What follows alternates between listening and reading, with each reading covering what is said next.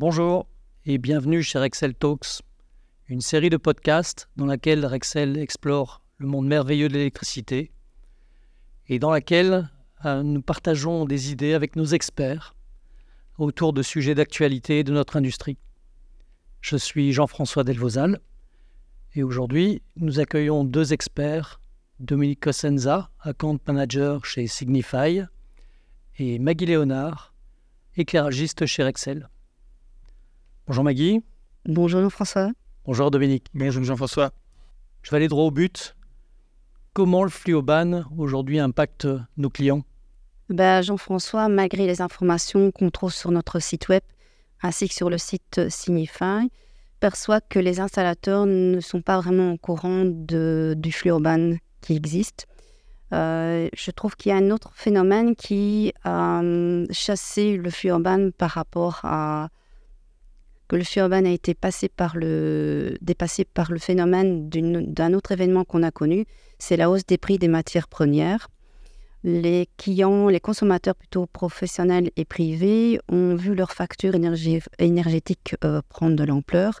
Donc, ils ont décidé de choisir des solutions plus économiques. Donc, les installateurs ont été sollicités pour euh, apporter des solutions plus économiques, pour baisser leur consommation. Dans certains cas, ils ont profité aussi d'améliorer aussi le confort visuel et aussi d'améliorer aussi l'état, enfin, le vieillissement des appareils qu'ils ont actuellement en mettant du neuf. Dans d'autres cas, c'est aussi des sociétés plus importantes qui suivent aussi des chartes euh, environnementales, donc de pouvoir suivre euh, le, le flux urbain aussi. Je rejoins Maggie. En fait, euh, l'impact que les installateurs rencontrent aujourd'hui grâce ou à cause du flux urbain, donc, euh, c'est euh, la modification au niveau des, installations. Donc, ça, c'est quand même très important quand on sait qu'on arrête une série de produits qui sont sur le marché ou qui ont été euh, fabriqués depuis de nombreuses années. Ça a un impact sur l'installation et sur la maintenance. autre chose, il y a aussi toute cette problématique du recyclage. Donc, ils n'étaient peut-être pas préparés ou ils n'ont pas eu assez d'informations pour devoir je vais dire, intervenir quant à cette partie recyclage pour des matières spécifiques. Et alors, euh, un autre point très important, c'est la réévaluation de tous les projets d'éclairage. Euh, si on doit choisir un nouveau produit, puisqu'on va parler de l'arrêt des lampes hein, euh, fluorescentes, donc ça entraîne toute une réévaluation aussi bien pour les concepteurs que pour les installateurs de certains projets. Ça veut dire que on va devoir réévaluer des projets par rapport à l'installation existante, soit pour répondre aux normes actuelles, ou soit simplement pour euh, se conforter à des nouvelles normes. Tiens, mais cette réglementation, cet arrêt, il touche euh, d'autres sources que le fluo? Euh, En fait, non.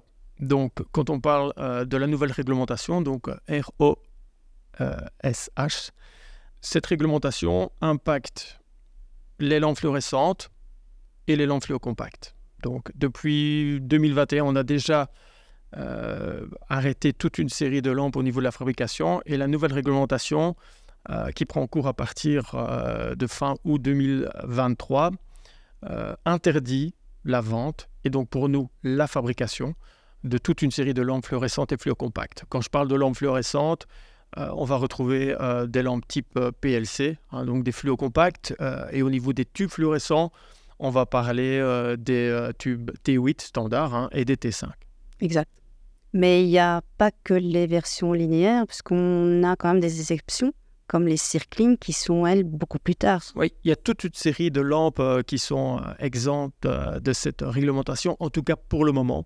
Donc, il y a certaines lampes qui vont pouvoir être vendues, donc fabriquées, euh, jusqu'en 2027 ou plus tard. Euh, ça va toucher euh, certaines lampes spécifiques, comme Guy vient de le dire, les lampes de type circline, les lampes pour l'éclairage secours, les lampes de type UVA, UVB. si je donne un autre exemple aussi, les lampes pour l'entertainment, donc des lampes type pour des projecteurs de spectacle ou quoi. Donc toute cette réglementation en fait est très bien expliquée et euh, donc, pour tout ce qui est lampe fluocompacte et lampe fluorescente, c'est jusqu'au 25 août 2023. Et pour le reste, c'est maximum jusqu'à fin de l'année 2027. Mais il n'y a pas encore d'autres sources qui est jusqu'en 2029 euh, À ma connaissance, aujourd'hui, on est vraiment sur le fluoban et le fluoban, c'est vraiment pour les lampes fluorescentes. De toute façon, il y a les fournisseurs qui anticipent déjà à l'avance. Je prends par exemple les versions secours. Ils ont déjà bien anticipé avant la fin des dates de production de ces sources-là afin de, de pallier à la demande du marché. Oui, justement, tiens, comment on peut euh, aider nos clients à pouvoir euh, basculer vers d'autres sources, le LED, j'imagine? Alors, il y a déjà une facilité. Chez nous, chez Rexel, on a le site Nestor. Et via le Nestor, en fait, on propose aussi chaque fois des alternatives de sources qui remplacent celles qui recherchent. Ensuite, il y a des systèmes de brochures qui existent par exemple chez Signify, qui expliquent bien quelle source est remplacée par une autre source, quelle armature par une autre armature. Et aussi ton site web, je pense, Dominique, si tu sais expliquer. Oui, tout à fait, bien sûr. Euh, sur notre site, on va retrouver tous les outils disponibles pour aider l'installateur ou alors votre client à pouvoir s'y retrouver. Hein. Donc, euh, quand on dit s'y retrouver, c'est un, grand mot, mais c'est très important. Il y a déjà la brochure. la brochure Fluoban explique vraiment la réglementation avec tous les points spécifiques. Et aussi, on donne toute une série de conversions au niveau du choix de la lampe ou aussi bien du choix du luminaire. Euh, ensuite, il y a toute une série aussi d'outils online qui sont disponibles. Euh, je vais parler euh, par exemple des calculateurs online. Donc pour l'installateur, en quelques clics, il va pouvoir réaliser une toute petite étude pour un éclairage connecté, si on parle de l'Interact Connector Tool. Donc ça va permettre à l'installateur en quelques clics de réaliser son étude sans devoir faire appel à un expert en éclairage comme Maggie, euh, mais ça sera une bonne base pour la discussion et euh, d'avoir déjà une vue d'ensemble avec une liste de matériel pour pouvoir offrir une solution connectée et donc euh, basée sur un confort pour le futur. Mmh, mais je reviens un peu sur l'idée aussi qu'on a aussi sur le site Nestor, on a aussi maintenant un système qui permet aux installateurs de trouver par une application très simple en fonction du, lieu ou du type qu'il veut. Il trouve facilement aussi une référence en éclairage LED. Mais le souci pour moi, c'est toujours que la, LED est considérée comme une source et non comme une technologie. La LED est une technologie qui apporte d'autres solutions qui n'existaient pas avant et avec une multitude de choses qu'on ne pouvait pas faire avant. Et je pense, Jean-François, avec Dominique, on peut peut-être t'expliquer quelque chose avec un exemple d'un chantier que nous avons effectué ensemble pour permettre de comprendre que on a aussi un service d'études, comme tu expliquais, où on peut faire par quelque chose de basique et qu'on peut apporter des solutions autres via notre service de Light Lab. On a des spécialistes, comme tu as dit, comme chez moi. En fait, moi et mes autres collègues peuvent effectuer des études parfois en partenariat avec Signify aussi quand on a d'autres domaines. Donc, je pense expliquer le chantier qu'on a eu ensemble avec euh, un, client qui avait un bâtiment et euh, il s'est plaint simplement dû, comme j'ai dit au départ, d'une augmentation de tarifs, d'énergie. Il a payé une facture le double, je pense. Oui, tout à fait. C'est tout à fait le double. Et il voulait modifier ses éclairages qui étaient trop vieillissants par quelque chose de plus neuf. Alors, grâce à notre travail, on a permis à cette personne de diminuer sa consommation avec des directives spécifiques, puisqu'on ne devait pas modifier l'implantation. Donc on a diminué les quantités d'éclairage, on a amélioré son niveau d'éclairement, parce qu'il était en dessous de la norme qu'il devait avoir. Et en fait, il avait un autre souci.